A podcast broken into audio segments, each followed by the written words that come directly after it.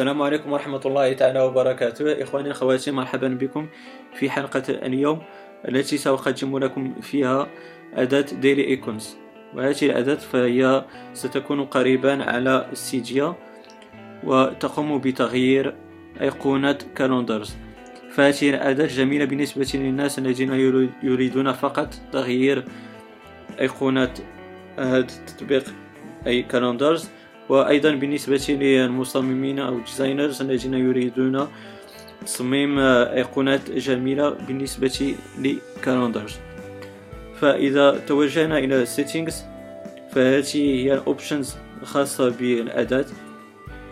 فبالطبع إذا أردنا activate أو deactivate الأداة وأيضا هنا لدينا تيمين آه، أو default icons تأتي مع هذه الأداة. فإذا أردنا تغيير التيم فنحن مجبرون على القيام ب respring فكما تشاهدون معي فأنا آه، قمت بتفعيل التيم الأول. فيأتي بهذا الشكل كما تشاهدون معي. فبالنسبة لي فهو التيم المفضل لدي.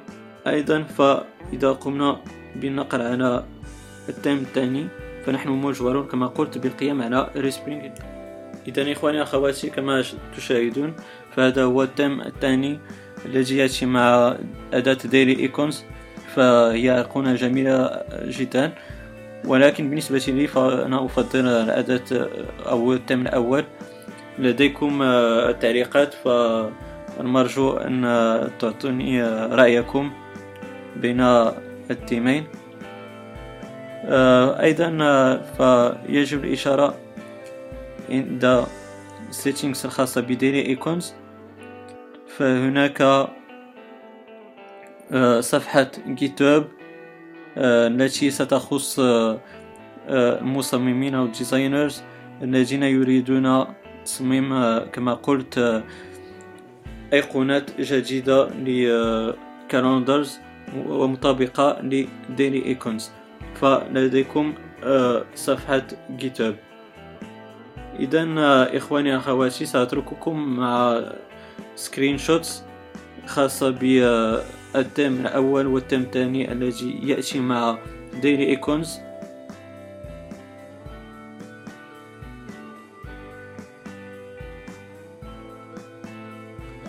إذا سيداتي وسادتي كما شاهدتم فهذه الأداة فهي أداة جميلة جدا وتقوم بتغيير أيقونة الخاصة ب calendars وتأتي بثيمين جميلين جدا. فكما قلت فهذه الأداة ستكون قريبا على سيجيا وهي مجانية بالنسبة للجميع. وأتمنى أن تكون هذه الحلقة قد نالت إعجابكم. إذا كان لديكم أي تعليق أو ملاحظة فالرجاء أن تطرحوا علي تعليقاتكم وأسئلتكم فأنا سأجيب عليها بصدر رحب.